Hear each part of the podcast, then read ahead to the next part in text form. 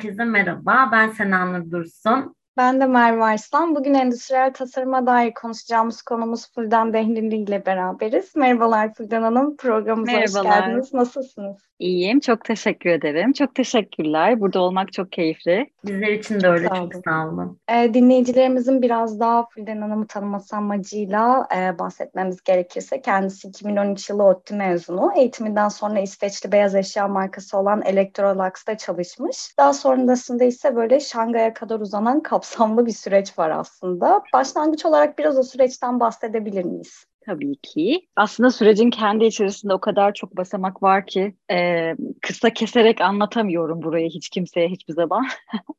e, çünkü İsveç'e gidişim bile bir e, olay döngüsüyle alakalı. E, 2013'te mezun oldum dediğin gibi. Mezun olduktan sonra e, ya ben genel olarak içgüdülerini ve kalbini çok dinleyen bir insanım ve bir şekilde Türkiye'den gitmem gerektiği hissiyle e, hani net bir karar verdim ve hiç Türkiye'de iş arayışına girmedim. Ama e, okurken tabii çok yoğun oluşumuzdan ve biraz başımızı kaldıramayışımızdan orada biraz bir tık kendime vizyon eksikliği görüyorum. Yani hani öğrenci vizesiyle bir şeyleri avantaja çevirmek aslında bakarsanız daha kolay. Hala öyle mi bilmiyorum ama mezun olduktan sonra ve hiç hani uzatmadan mezun olacağım ben diye hani şey yaptım direkt iş hayatına atlayacağım diye. Ee, biraz o konularda takılmak e, yani takılmak durumunda kaldım mecburiyetten. E, o kadar kolay yurt dışına işte gidilemediği, e, üniversitelerin master bölümlerinin çok yüksek meblağlar istediği ki e, hani genel olarak da master hiç düşünmedim aslına bakarsanız istemedim yani. E, onun dışında yani böyle küçük firmalara başvuruyorum ama küçük firmaların birini getirme gibi bir sponsor olma durumu söz konusu değil. Çok e, büyük e, harcamalar söz konusu çünkü. Büyük firmalarda da hem rekabet çok fazla hem de hani bir junior tasarımcıya e, sponsor olmalarını beklemek biraz hayalperestlik oluyor. Özellikle de sizin için bir sürü masrafa girecekse. Çünkü onların da prosedürlerinde hani bütün uçak biletleriniz, taşınmanız, oradaki bilmem ne harcamanız, vize ücretleriniz her şey dahil e, oluyor. O yüzden tabii ki Avrupa vatandaşını işe almaları onlar açısından çok çok daha kolay. Hani bunu niye anlatıyorum? Çünkü aslında orada elektrolüksle olan e, bağlantım başlayana kadar çok depresif ve karamsar geçen bir süre var. Önemli olan pes etmemek. Bu mesaj.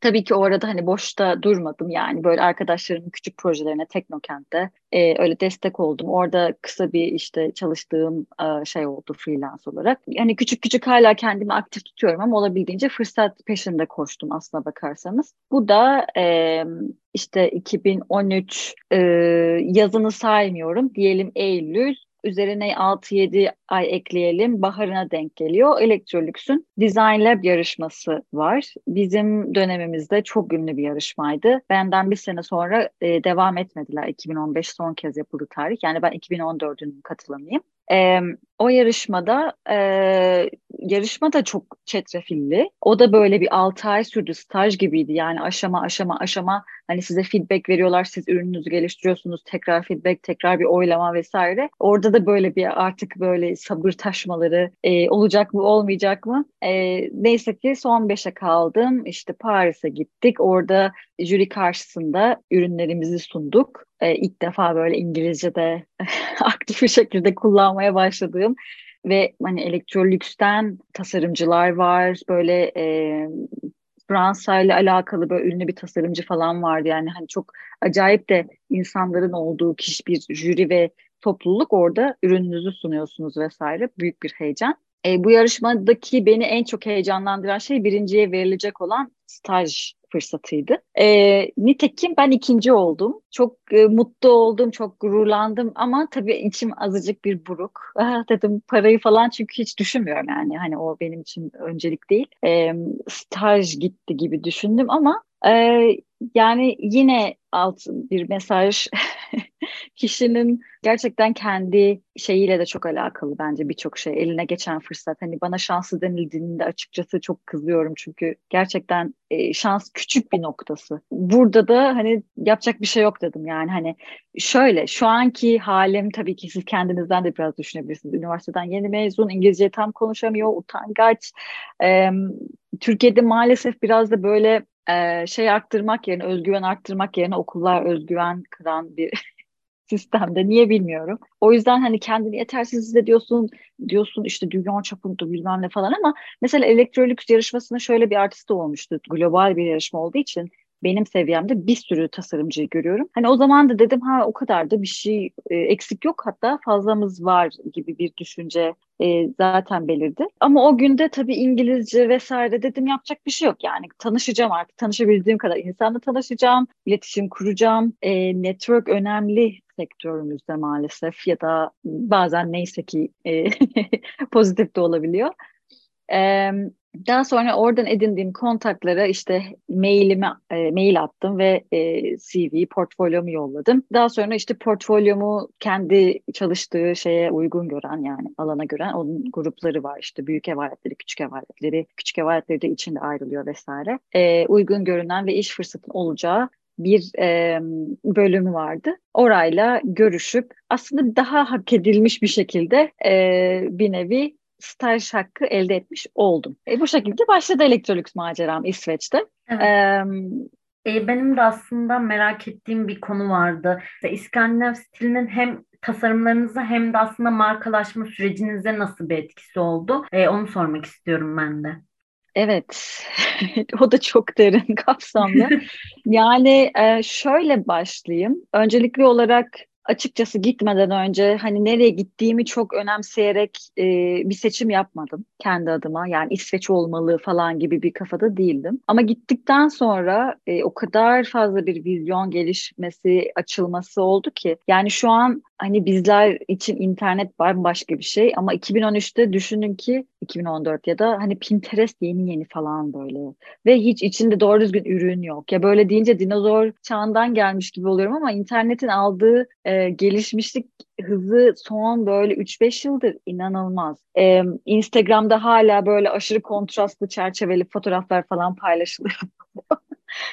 e, öyle olunca e, hani şimdi evinden bile oturup böyle bir sürü trendler onlar bunlar görebiliyorsun ama e, o dönemde çok öyle hani şu tasarımmış bu şeymiş e, bu bölgeye ait şöyle ünlü bir şeylermiş.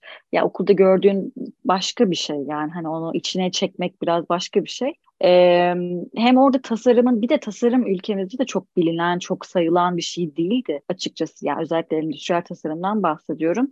Ee, şimdi Burada endüstriyel tasarımcıyım diyorsun. Mesela iki senelik mi ne yapıyorsun falan diyor. Orada endüstriyel tasarımcıyım dediğinde herkes böyle wow gerçekten mi işte ne kadar cool. Şehir böyle tasarım dükkanlarıyla dolu. Yani hem şey olarak bir tasarımcı kimliğindeki bir birey olarak tasarım soluyan bir ülkede tasarım alanında çalışmaya başlayıp e, işte onların gelenek görenek bu e, İskandinav tarz dediğimiz şey nasıl doğdu, nasıl oluştu bu hikayeleri duyarak hem de gerçekten insana verdiği değer yani genel olarak tasarım da değil İskandinav ülkelerinin insana verdiği değer yani o kadar önemli ki önce işini yapmadan önce insan gibi hissetmek çok önemli. Yani burada e, yarın aç kalacak mıyız? İşte başımıza şu gelecek mi falan tasarım öyle bir lüks bir kavram gibi kalıyor ki bir yerde. Yani hani ben o düşündüğün konsept projeleri şey diyorsun ya kim ne yapacak bunu ya da ama orada bir kere önce insan gibi hissediyorsun. Aldığın maaş güzel, e, gördüğün muamele güzel, mesleğine duyulan ilgi güzel. Öyle öyle ballandırıp Herkes İsveç'e kaçacak. evet gerçekten. Yani onun dışında hani İskandinav tarzının şöyle iki özelliği beni en um, derinden kavrayan şeyler diyebilirim. Birincisi ya bu insana verilen değer tasarımlarda da gerçekten çok ön planda. Yani sen bir insan için tasarladığını, o insanın e, ihtiyaçlarını ya da tasarladığın her kimse aslında bu bir hayvan da olabilir yani bilmiyorum e, ya da bir şehir genelinde bir şey de olabilir. E, önemli olan hani o tasarladığın kişi ya da kimlik kimse gerçekten onun ihtiyaçları nedir? Bunun gözetildiği e, ama bunu yaparken yani fonksiyonelliğe gerçekten değer verirken stilden taviz vermedin. Yani o ürün hala güzel görünmek zorunda. E, hani çok iyi çalışan ne bileyim havadaki kirleri çeken bir e, süpürge olsun ama yani böyle ne bileyim 30 kiloysa işte dangır dungursa sağa solu bir şeyler e, seni yarar, yaralayacak ya da e, duvarlarına zarar verecek bir şeyse yani ne kadar o havayı e, da yerleri de temizlese kimse onu satın almaz. E, çok güzel görünen bir şey de işlevini yerine getirmiyorsa da onu kimse satın almaz. Yani sonuçta orada bir para veriliyor, bir hedef var, bir amaç var. Yani bu ikisi arasında denge kurma olayını e, yapış şekilleri ve ikisine de e, verdikleri önem hani beni en çok etkileyen kısım. Bir de tabii ki minimal de bir anlayışları var. Yani Türkiye Türkiye gibi maksimalist bir ülkede e, birden o sadece hani güzel, minimal, e, sadeleştirilmiş hem formlar hem şekiller. Böyle bir nefes aldığımı hissettim ve hani asıl aradığım bu. Zaten ben hani giderken de çok tasarımcı kimliğimi oluşturarak gitmemiştim açıkçası sağda solda çok da e, hani öğrenci projelerimi bile çok bulamayabilirsiniz. Çünkü koymuyorum. Çünkü tam olarak beni yansıttığını düşünmüyorum. E, ilk projem e, İsveç'e gittikten sonra yaptığım e, şey U diye okunuyor.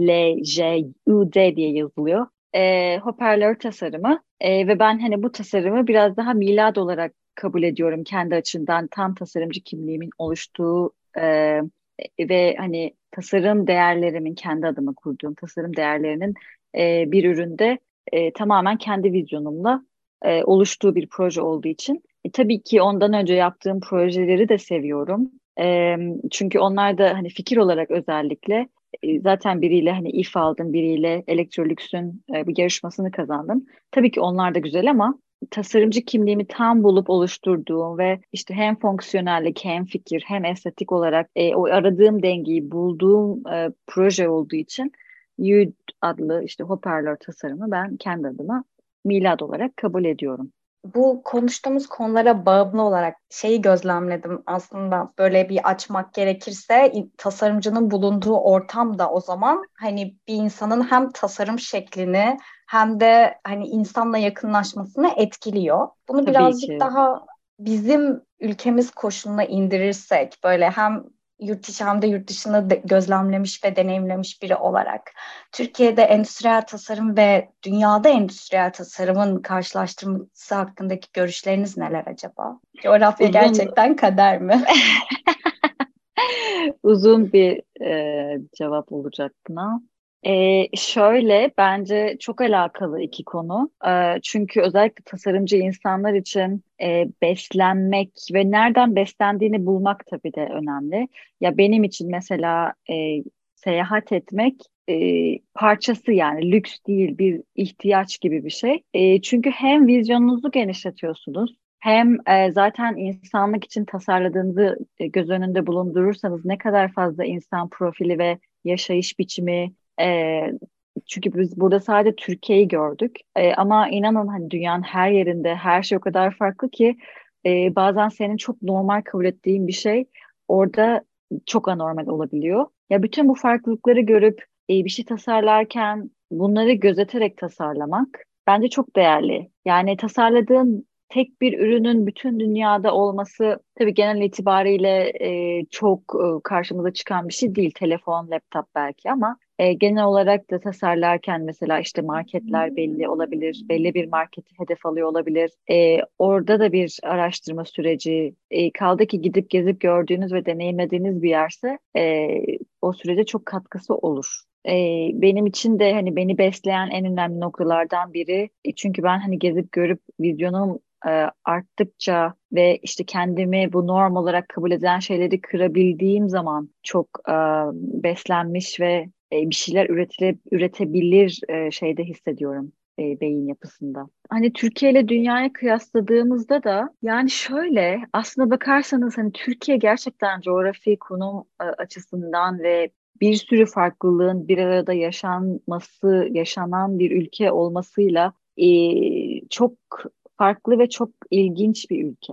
Hani biz içinde olduğumuz için maalesef hani kötülüklerini çok duyabiliyoruz ya da sadece kötü kısımlarına takılıp kalabiliyoruz. Dışarıdan seyahat edip gelip e, burada yabancılar keyfini sürebiliyor çünkü turist olunacak bir ülke. Çok çok bu işin içine girmedikçe o tatsız kısımlarını aslında çok keyifli yani. Ama Ya şöyle de bir gerçek var. Sonuçta mesela konuştuğumuz dildeki e, öyle bir yerde bir e, şey vardı denk geldiğim. Şu an hatırlayamayacağım neresi ama hani dilin içerisindeki kelime dağarcığı hangi konuda daha fazlaysa aslında o konuda kültür gelişmiş oluyor. Ve bu bence bizim için biraz yemek gibi. Yani e, yemek konusunda hem vocabulary'si daha geniş e, bir ülkeyken e, ve yemek konusunda çok acayip şeyler yapılıyorken e, tasarım biraz orada değil. Kaldı ki yaratıcı da bir e, ülkeyiz. Aslında birçok konunun işte ustası, el işçiliği bunların çok değerli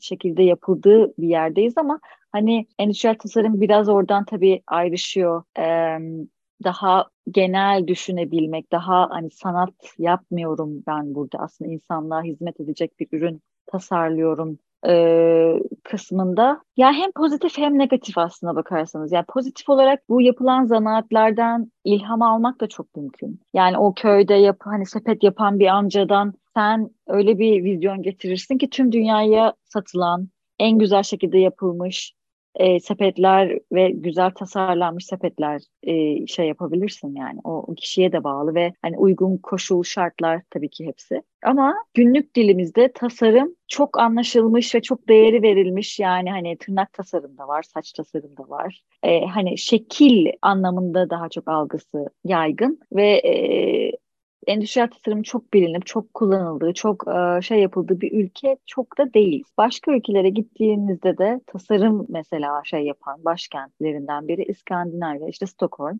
yani orada daha farklı İngilizce e, anlatırken bir ürününüzü, bir fikrinizi daha farklı. Yani ben mesela işimi İngilizce yaparken daha e, iyi yaptığımı düşünüyorum. Çünkü bir şeyi e, hikayeleştirmek, e, tanımlamak için bile hani bir güzel demek için bile e, birçok kelime seçebilirsiniz. Ama Türkiye'de sadece işte güzel.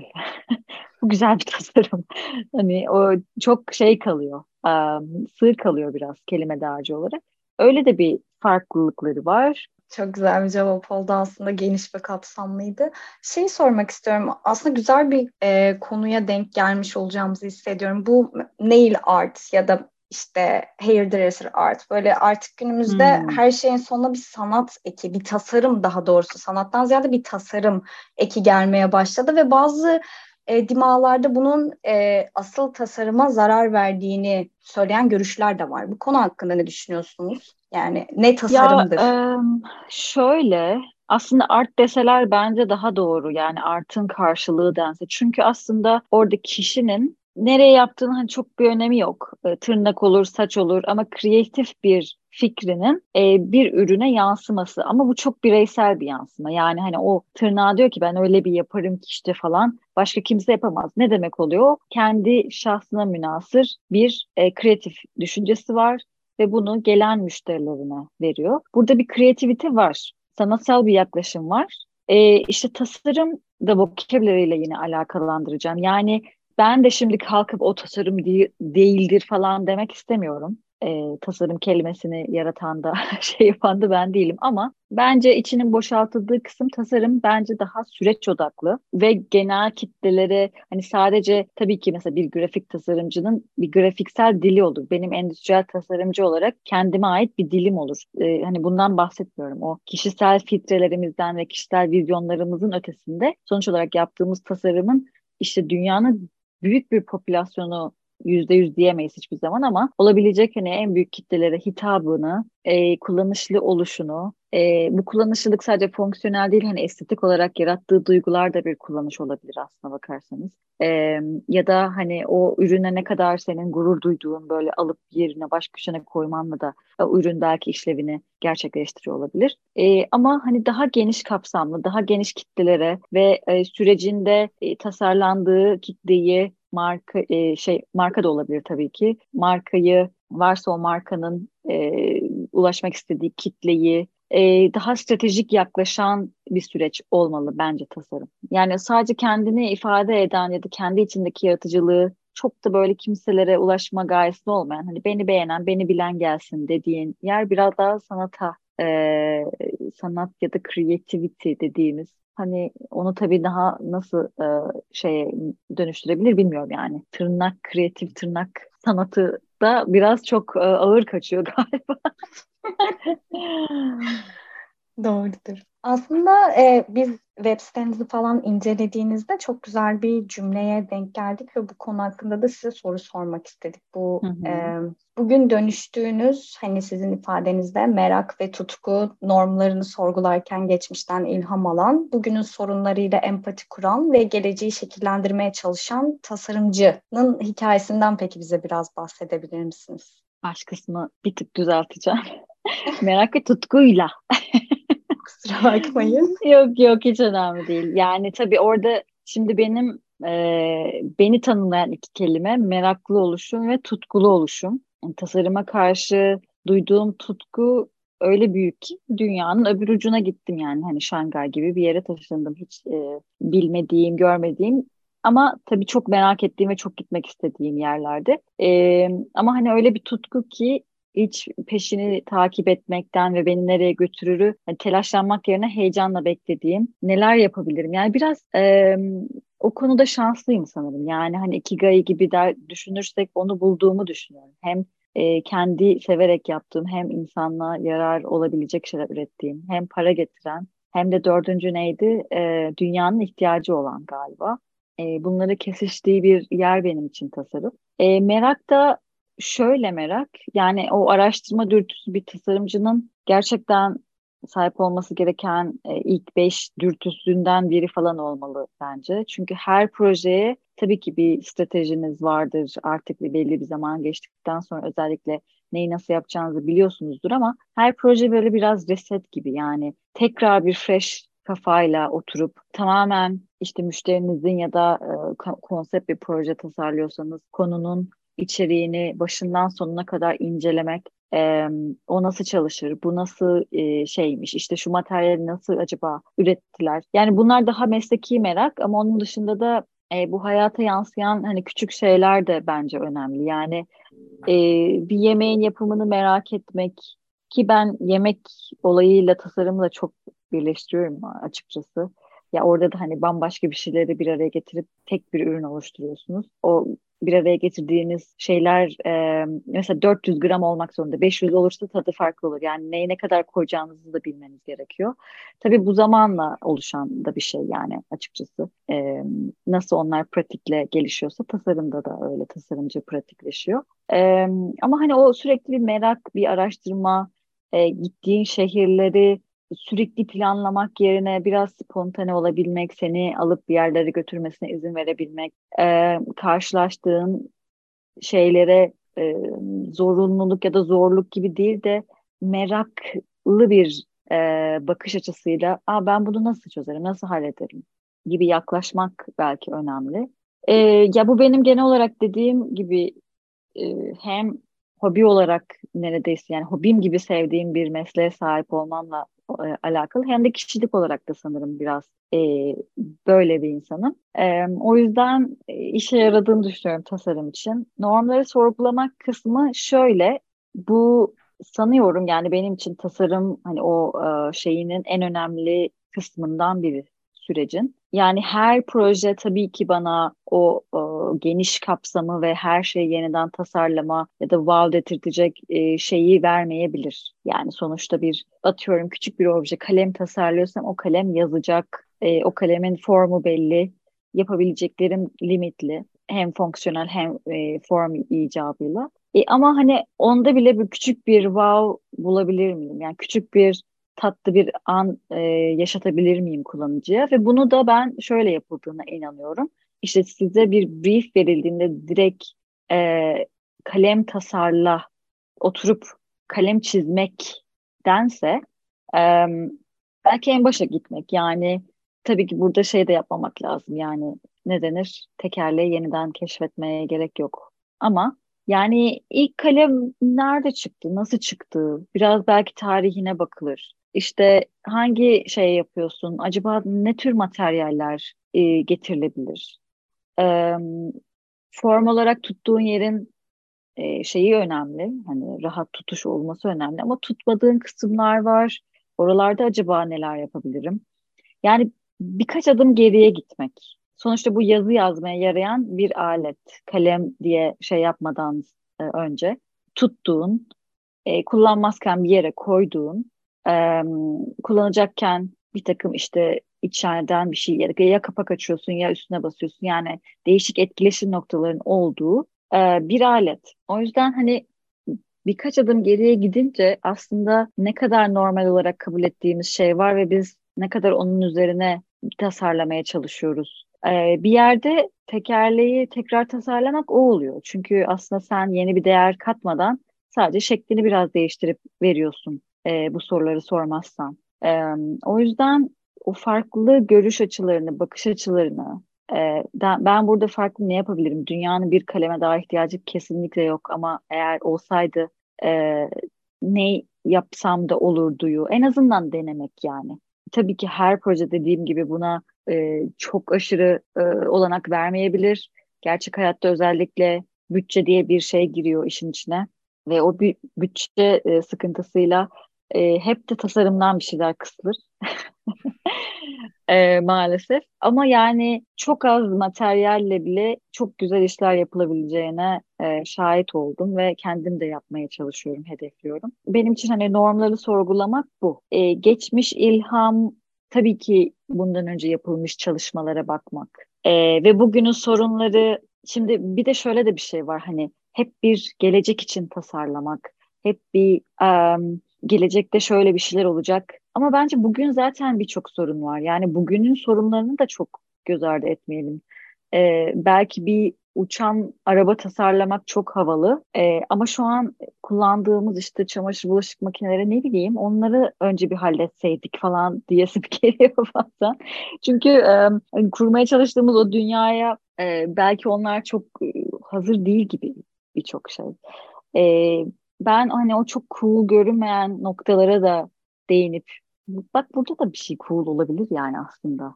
E, şu an günlük hayatta kullandığımız objeleri de gayet futuristik yapabiliriz. E, o kısmı da e, şey yapmak istiyorum açıkçası. Biraz sorgulamak. Sürekli bir normları şey kırma peşindeyim.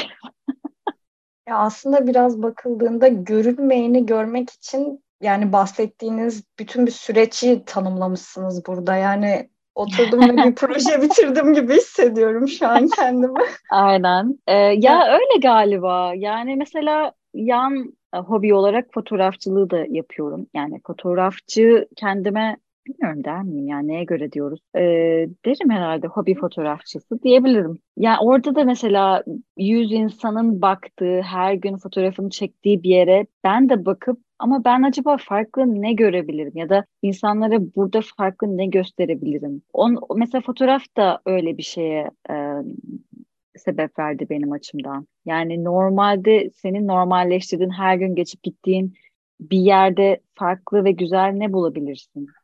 O da tasarımda da işte farklı ne yaratabilirim? Ama bu farklı tabii ki sadece farklı olsun diye farklı olmamalı yani. Anlamlı ve altı doldurulmuş e, bir şey olması da gerekiyor. Baktığımız zaman ya dediğim gibi şu an mesela konuşurken ya da bir soruyu cevaplarken bile e, belli aşamalarda düşünüp analiz edip hani ya aslında tasarım yapar gibi cevap veriyorsunuz ve çok oturmuş bir şey çıkıyor yani. Hani eskiden de mi bir tasarımı oturup düşürdüğünüzde mesela üniversite zamanında da mı bu tarzda böyle bölüp net sonuçlar alıp gelebiliyordunuz yoksa bu size zamanla mı geldi ya da şöyle de birazcık çevirebilirim hani bugünkü Fulden üniversitedeki Fulden'e ne tavsiye verebilirdi? Hani bize ne söyleyebilir?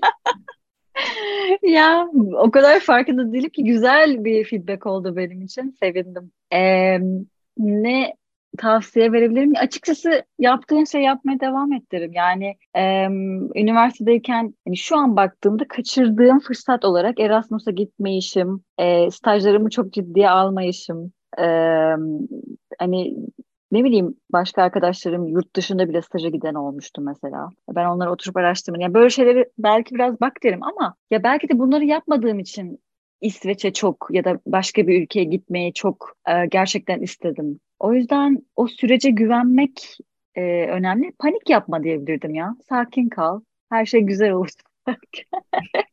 bir şekilde su akar yolunu bulur. Yani tek bir doğru yol, doğru cevap yok. E, o an yaşarken ve işin içindeyken E, bunu anlamak gerçekten çok zor. Yani hani şu yaşımda belki bunu biraz daha anlayabildim.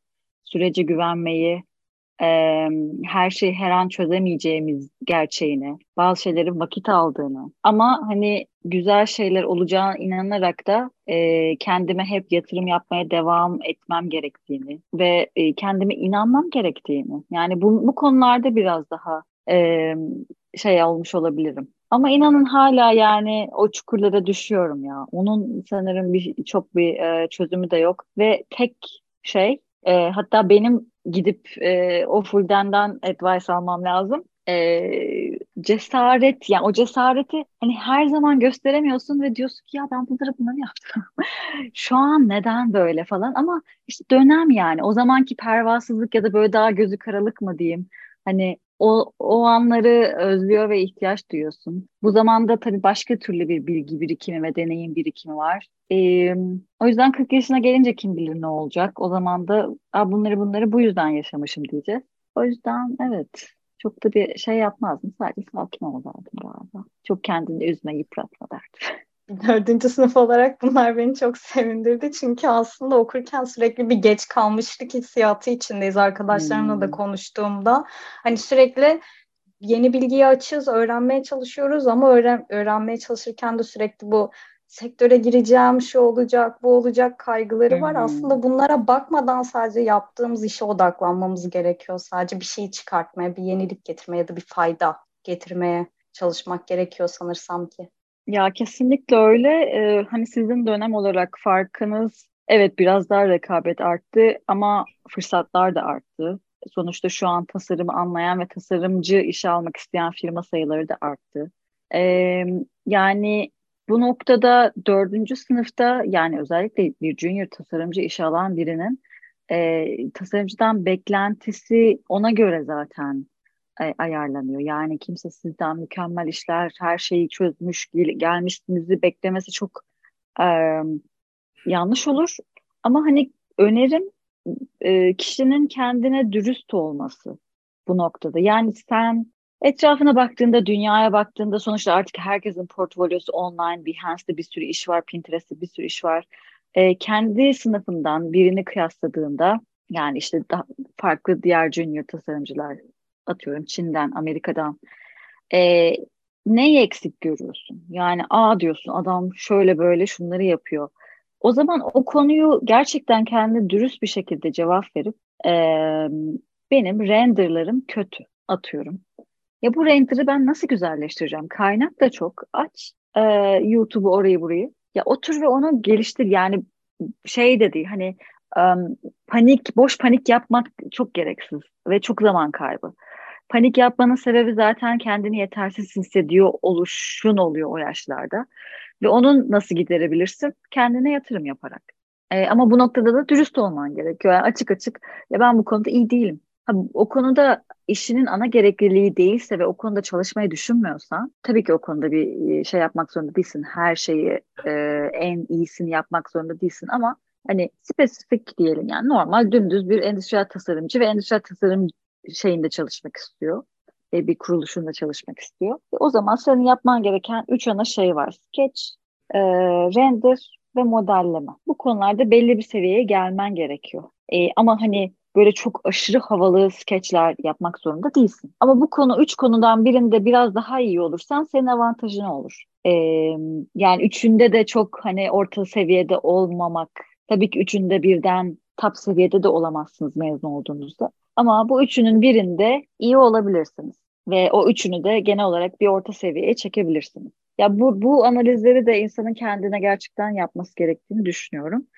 Bir tık da gözü açık olmak ve e, yani hani bir fırsat yaratılan da bir şey açıkçası. Şey çok inanılıyor yani böyle işte staj iş teklifleri havada uçacak diye inanan bir kısım da var. Ee, yani ne o kadar uçmak lazım ne ay iş bulamayacağım diye panik olmanın bir e, yararı var. E, o yüzden fırsat yaratmak için işte nedir? Exposure arttırmak, Behance projelerini koymak, LinkedIn'e projelerini koymak. Birilerine ulaşıp işte hem kendi Instagram sayfanı koyup o sayfada e, işlerini paylaşmak. Yani hani burada bir şey yok. sihirli bir değnek yok. Onu anlatmak istiyorum. Kendine karşı dürüst olacaksın, kendine yatırım yapacaksın.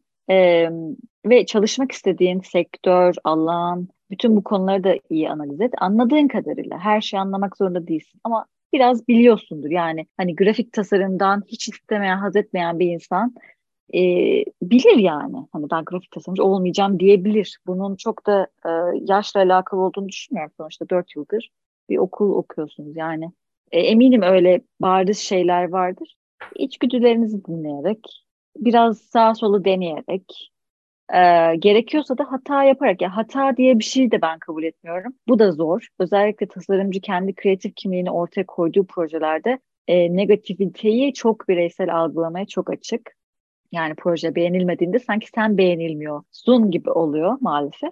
E, çünkü senin düşünce yapın, senin e, işte vizyonun, senin estetik şeyin. E, ama yani orada biraz şeye de bakmak lazım.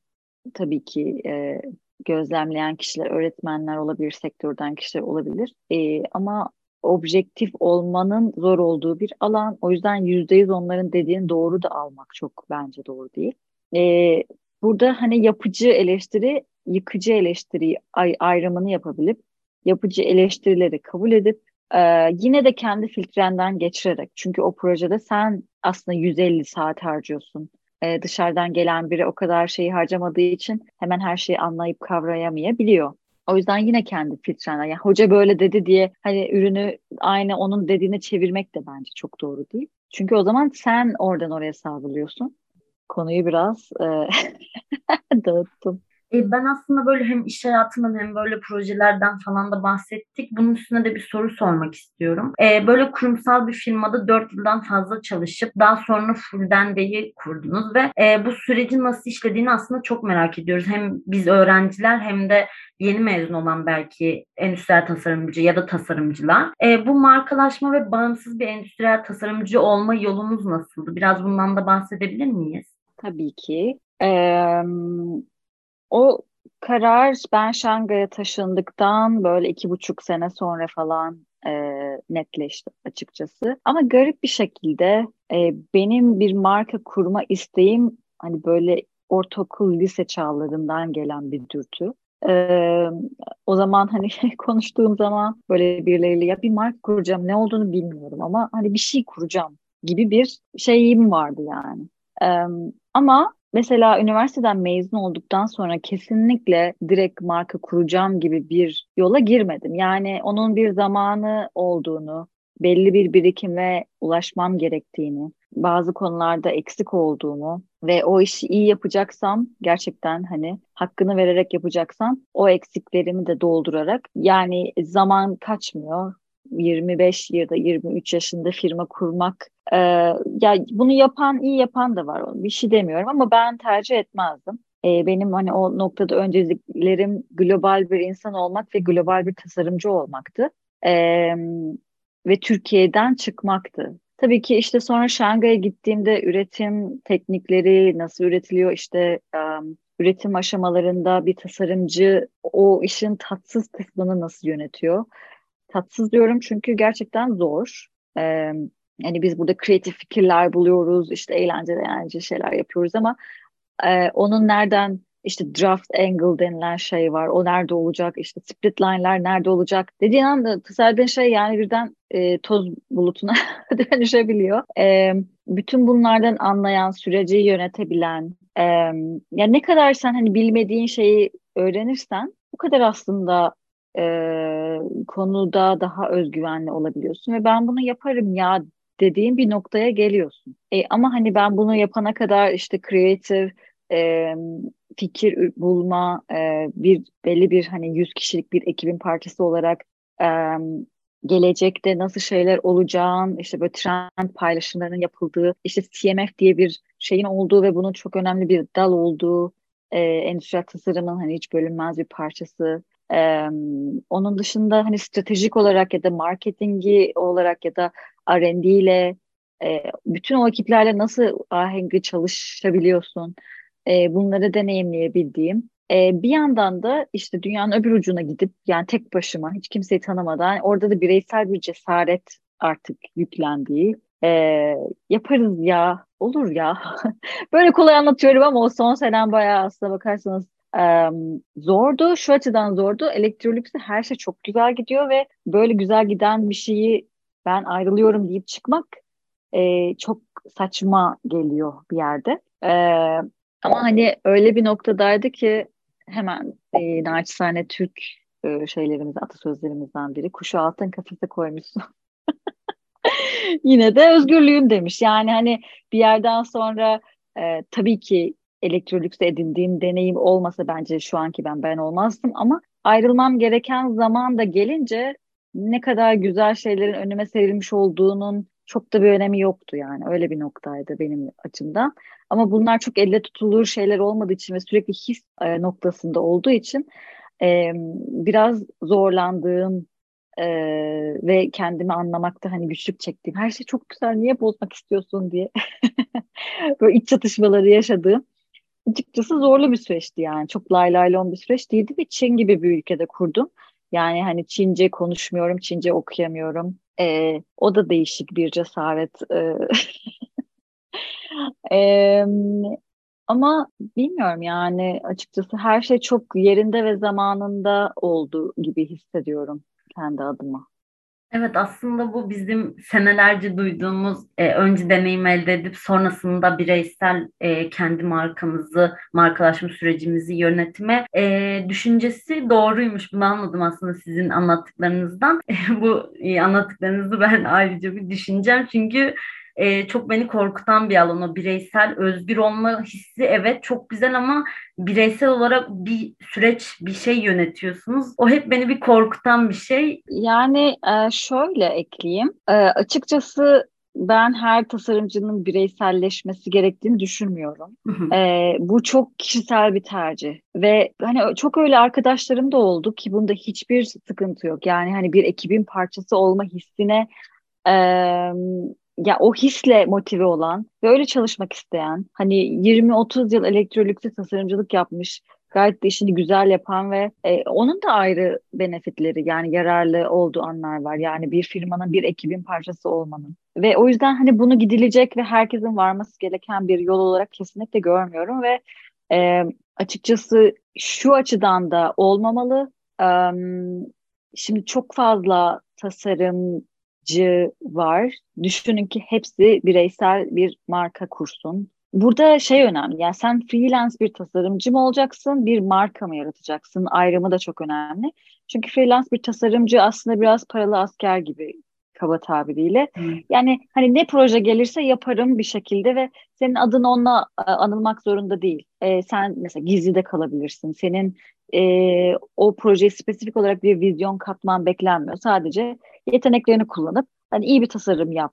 Ama markalaşma dediğin zaman bana gelecek insanların hani fullden dehneliden alacakları fix bir şey olması gerekiyor. Bir estetik bir beklentisi ya da işte bir stratejik beklentisi ya da bir e, değer beklentisi ve ben bunları e, hani çok düşündüm. Çünkü e, çok fazla stüdyo var. Hani ben farklı ne yapacağım?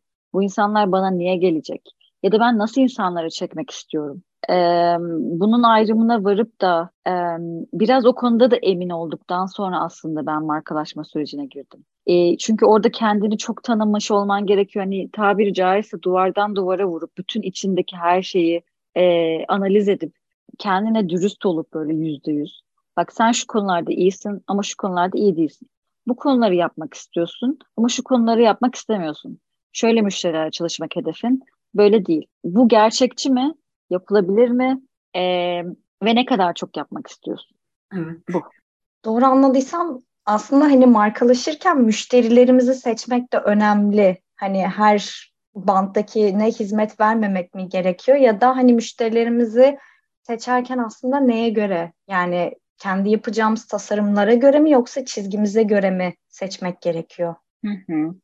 Yani işte bütün bunların cevabını bireysel olarak bulabileceğimiz bir nokta olduğunu inanıyorum ben. Bu da bir süreç. Yani nasıl bebekken her şeyi e, aşama aşama öğrendik. Hani önce yemeği, sonra ayakta durmayı, sonra yürümeyi. E, bunlar da öyle. Yani hani sen önce tasarımı iyi yapmayı öğrendiğin bir süreç. Yani işte bu render'ı iyi alacaksın, modeli iyi yapacaksın.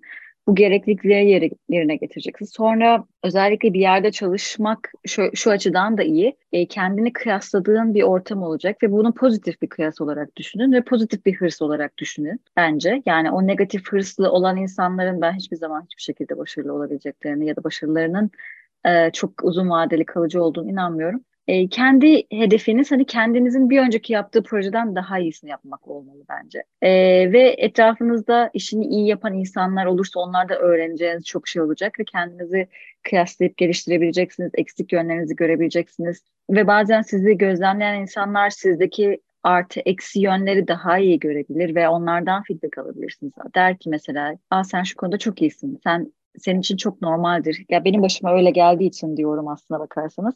Hani CMF dediğimiz kavram e, ekibin içinde hep CMF'e kaymam için hani fırsatlar oldu. Ama dedim yok ben endüstriyel tasarımcı olarak kalacağım. Ya o konuda yetenekli olduğumu e, çalışırken fark etmiş oldum ben de aslında. Ama hani o konuya eğilmek istemediğimi ya da sadece bir CMF tasarımcısı olmak istemediğimi de yine içgüdülerimi dinleyerek e, kararını verdim. Ama yani işte dediğim gibi sadece bir freelance tasarımcı olacaksan aslında her müşteriyle çalışabilirsin. Her proje e, bütçesinde e, aklına yattığı müddetçe çalışabilirsin. Ama ben hani kendi adıma söylemek gerekirse hani 10 tane küçük çaplı istemediğim çok iş olmasındansa hani bir tane büyük iş için uğraşırım ve onu beklerim kafasındayım biraz. E, ama hani bu üniversiteden mezun olup direkt firma kursam yapabileceğim şeyler değil açıkçası. E, çünkü bir marka yaratıyorsan onun altını doldurman gerekiyor. Onun altını hem vizyonunla hem işte ya bütün ekosistem aslında ya web siten dahil ürünlerini nasıl sergilediğin, nasıl gösterdiğin, presentation'ını konuşman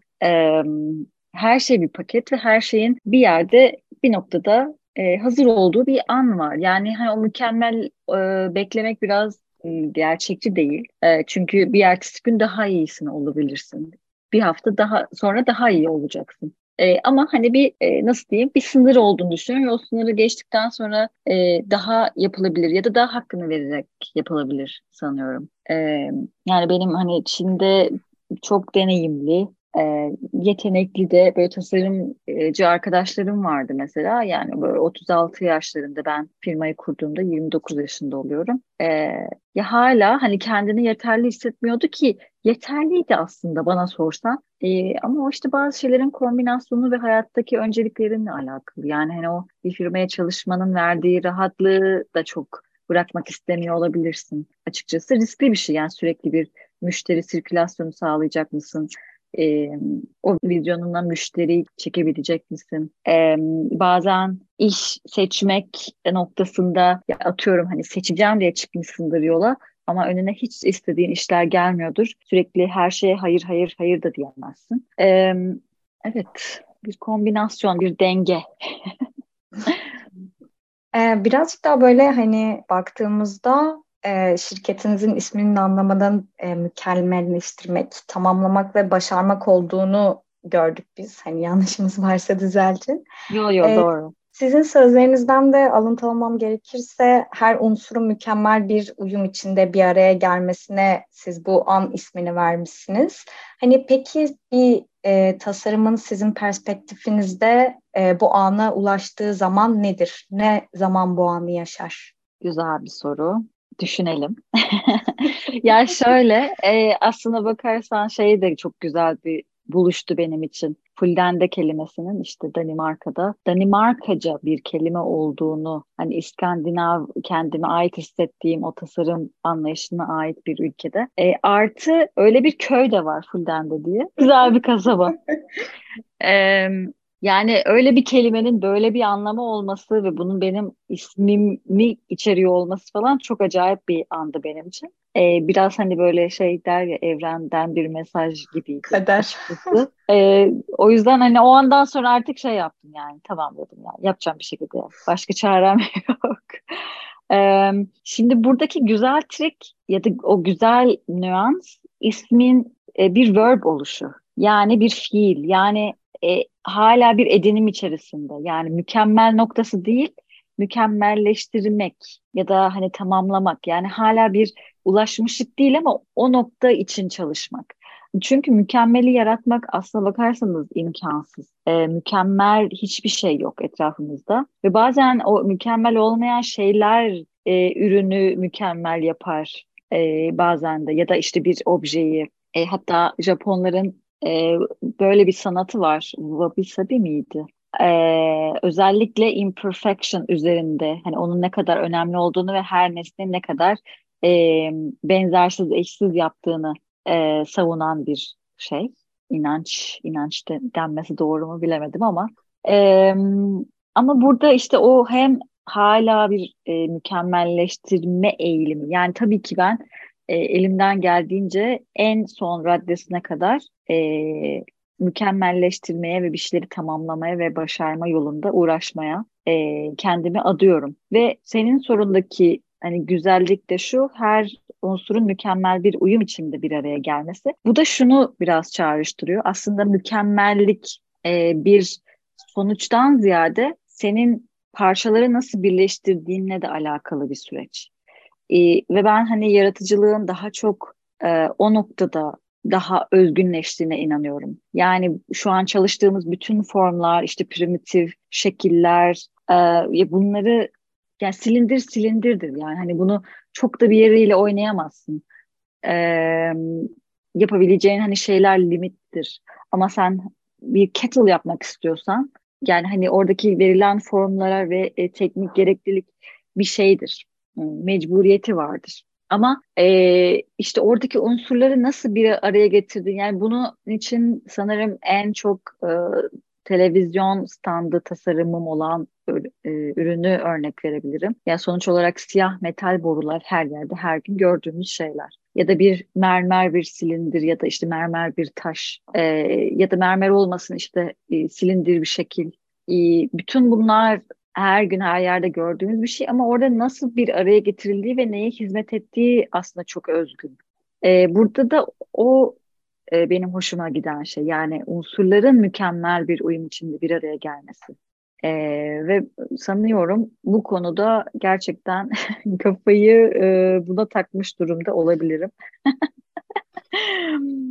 e, çünkü e, yani evet benim için hem bu kelimeyi keşfetmek önemliydi hem de bunun gerçekten tasarım hayatımda ne kadar beni yönlendiren aslında bir e, şey olduğunun da farkına vardığım e, bir şeydi yani açıkçası.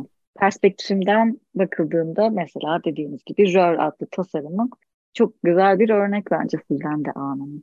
Daha önce de bir portfolyo yorumlama etkinliğinize katılmıştım ve orada size bir soru sorulmuştu. Şey demişti, e, soran arkadaş. E, mezun olurken portfolyonuzdan memnun muydunuz? Siz de demiştiniz ki hayır. ya hayır ya evet maalesef yani e, özellikle portfolyo konusu çok ilginç. Hiç bitmeyen bir proje. Evet. Ve onu öyle kabul etmek gerekiyor. Yani bu hiçbir zaman bitmeyecek. Hiçbir zaman e, ya yaşayan bir şey adeta açıkçası. E, sürekli ama yani hani bir yerden sonra azıcık fixlenebilir diyeceğim. Yine de e, title de, değiştirdiğinde yani junior'dan senior olduğunda ya da manager olduğunda hepsi için sunacağın şeyler farklı olacak ve sen yine oturup portfolyo yapacaksın. o yüzden gerçekten bitmiyor. Yani benim açımdan da ben de müşteriler için sürekli e, yeniliyorum aslına bakarsanız ve e, daha da online, daha da erişilebilir dijital platformlarda e, o yüzden sadece müşteri değil, e, belki işte genç tasarımcılar için de e, bir ilham olabilecek şeyler paylaşmak dahil oluyor sürece e, gibi gibi. Ama mezun olduğumdaki şeyim şöyle, e, ya çok da mutsuz da değildim açıkçası. Ya benim daha çok e, müzdarip olduğum konu içine koymam gereken projelerdi. E, ve o projeleri işte burada okullar biraz da şey yapmak zorunda. Çünkü siz proje seçmiyorsunuz. Ya, o proje size veriliyor. E, daha gerçekten portfolyoya konulabilecek projeler e, ve süreçler olmalı bence. E, yani ben hani iki üç projeyle belki şeydim tam hatırlamıyorum da. Daha e, içerik anlamında hani değişik araştırmalar yapılan e, daha detaylandırılmış projeleri seçmeye çalıştım. Hani bence bir junior tasarımcıdan daha çok e, öyle şeyler bekleniyor. E, ama hani şu ankiyle kıyaslanamaz tabii ki. Güzel bir cevap oldu. Gene iç ferahlatıcı ve detaylıydı. Çok teşekkür ederim. Rica ya, çünkü gerçekten portfolyo çok dediğiniz çok doğru. Çok organik bir şey yani gerçekten yaşayan bir şey ve bir insanın bir ayda yaptığı şey bile çok değişebiliyor ve aslında bir nebze de bunu bir yerde görmek de güzel. Kişinin progresi ta- progres yani o gelişimi hmm. e, takip edebilmesi açısından bence faydalı oluyor en azından benim açımdan. Ya motive oluyorum evet de motive de olabiliyorum ama en azından Hı-hı. ilerleme sağlıyor insana. Peki bu şeyde de hani dijitalleşme dediniz orada da ilgimi Hı-hı. çekti açıkçası bu artık insanlar birazcık daha hani e, portfolyolarını farklı şekillerde sunmaya çalışıyorlar. Gerek işte animasyonu arttırıyorlar ya da hmm. NFT türevinde e, şeylere ilerlemeye başladılar. Ben aslında biraz burada birazcık daha hani tabiri caizse hani geri kafa düşünüyorum. Hani e, ürün portfolyosunun da hmm. evet içermesi yani, gereken belli bazı dinamikler var sanki. Siz bu konu hakkında ne düşünüyorsunuz? Ee, evet ilginç. Ya şöyle e, burada da bence bir analiz yapılması lazım. Enerji, e, ilgi alanları bulmak istediğin iş fırsatları ve ilgisini çekmek istediğin müşteriler. Ee, sonuçta NFT yapan kişi sanıyorum o e, grupta işler üreten birileriyle çalışmak istiyordur. Ee, ve oradan hani o işi anladığını, sevdiğini ya da ilgisi olduğunu göstermeye çalışıyordur. Ama yani Electrolux kalkıp da NFT'den bir portfolyo yani niye hani baksın da niye baksın? Ee, Burada önemli işte olan şey bir de enerji yani. Şimdi print alabilirsin atıyorum portfolyonu. Böyle çok değişik bir kitap yapabilirsin. Ama hem masraflı olacak. Her müşterine bunu e, ya da müşteri demeyelim e, işverene bunu atacak mısın? E, tamam güzel şeyler tasarlanabilir belki akılda da kalabilir ama hani sen endüstriyel tasarımcı olacaksın özellikle aslında bu, böyle bir şey yapmana gerek yok. Yani orada bir e, kişinin de zamanına saygı duymak lazım. Yani benim oturup internetten hemen açıp bakmam versus işte bir e, o kitap neredeydi işte onu arayıp belki a, yolda kayboldu mu kaybolmadı mı işte buruştu mu buruşmadı mı yani e, portfolyo yaparken sadece kendimi nasıl e, anlatırımdan ziyade karşı tarafa nasıl anlaşılmak isteniyorum ve karşı tarafın buna ne kadar vakti var. Yani gerçek hayatta hani o firmalarda portfolyo bakılma hızı sayfada saniyede bir yani geçiyor. Ee, ve orada gözüne bir şey çarptığı an sen durup geri gidiyorsun. O yüzden ben içeriye daha çok önem verilmesinin gerektiği hani taraftarıyım. Ama dediğim gibi yani sonuçta NFT işlerine girmek istiyorsan ve o konuda birilerinin dikkatini çekmek istiyorsan da mantıklı da yani NFT yapman ya da e, işte bir web sitesi olarak sunuyor olabilirsin. İşte bir oyun gibidir. Basınca açılıyordur sonra başka bir şeye geçiyor. O zaman da derim ki ben hani bu kişi biraz daha belki e, game design üzerine çalışmak istiyordur. E, ya da dijital işte web sitelerine ilgisi vardır vesaire. E, ama hani endüstriyel tasarımcıdan ilk beklenen şeyler böyle şeyler olmadığı için e, insanların beklentisi de o yönde yok. Yani hani oraya harcayacağın enerjiyi ben daha güzel render işte daha iyi sunulmuş hazırlanmış bir portfolyo harcamasını şey açısından tercih ederim. Bu arada da bence portfolyo olarak ayrı bir PDF atmak çok değerli. Ee, Behance linki ya da web sitesi linki aynı şey değil. Ee, bunun da altını çizmek istiyorum. Bu konuların hepsini kapsayacak bir şey e, açısından e, yayın öncesinde konuştuğumuz üzere umuyorum yani herkesin de yararına olacak bir hem Skillshare üzerinden hem de YouTube üzerinden özellikle ilk konum portfolyo olacak. e, hem bir kurs gibi bir şey açmak hani o konudaki e, bilgi birikimini paylaşmak hem de genel olarak e, biraz daha hani ne bileyim aranan e, sorulara e, cevap sunabilmek amaçlı biraz daha dijital platformlarda olmayı hedefliyorum. Bakalım. Umarım sizi o taraflarda görürüz, katılma şansımız olur diyelim o zaman. Umarım. Çok da keyifli bir e, sohbet oldu diye düşünüyorum. Ben de böyle İskandinav kültürüne ve o tarza çok hayran biri olarak böyle sizden dinlemek çok hoş oldu. E, o yüzden ekstra bir keyif aldım yani sohbetten. E, çok teşekkür ediyoruz tekrardan. Yani hem çok yoğunsunuz hem de böyle bir yoğunluk içinde bize de vakit ayırdınız. E, o yüzden tekrardan hem geldiğiniz için hem vakit ayırdığınız için teşekkür ederiz. Rica ederim. Ben de çok keyif aldım. Çok keyifli bir sohbetti. Ee, görüşmek ümidiyle e, umuyorum değişik projelerde, değişik e, yayınlarda tekrar bir araya geliriz. Umarım. Ee, görüşmek Umarım. Hoşçakalın. Görüşmek üzere. Hoşçakalın. Bye bye.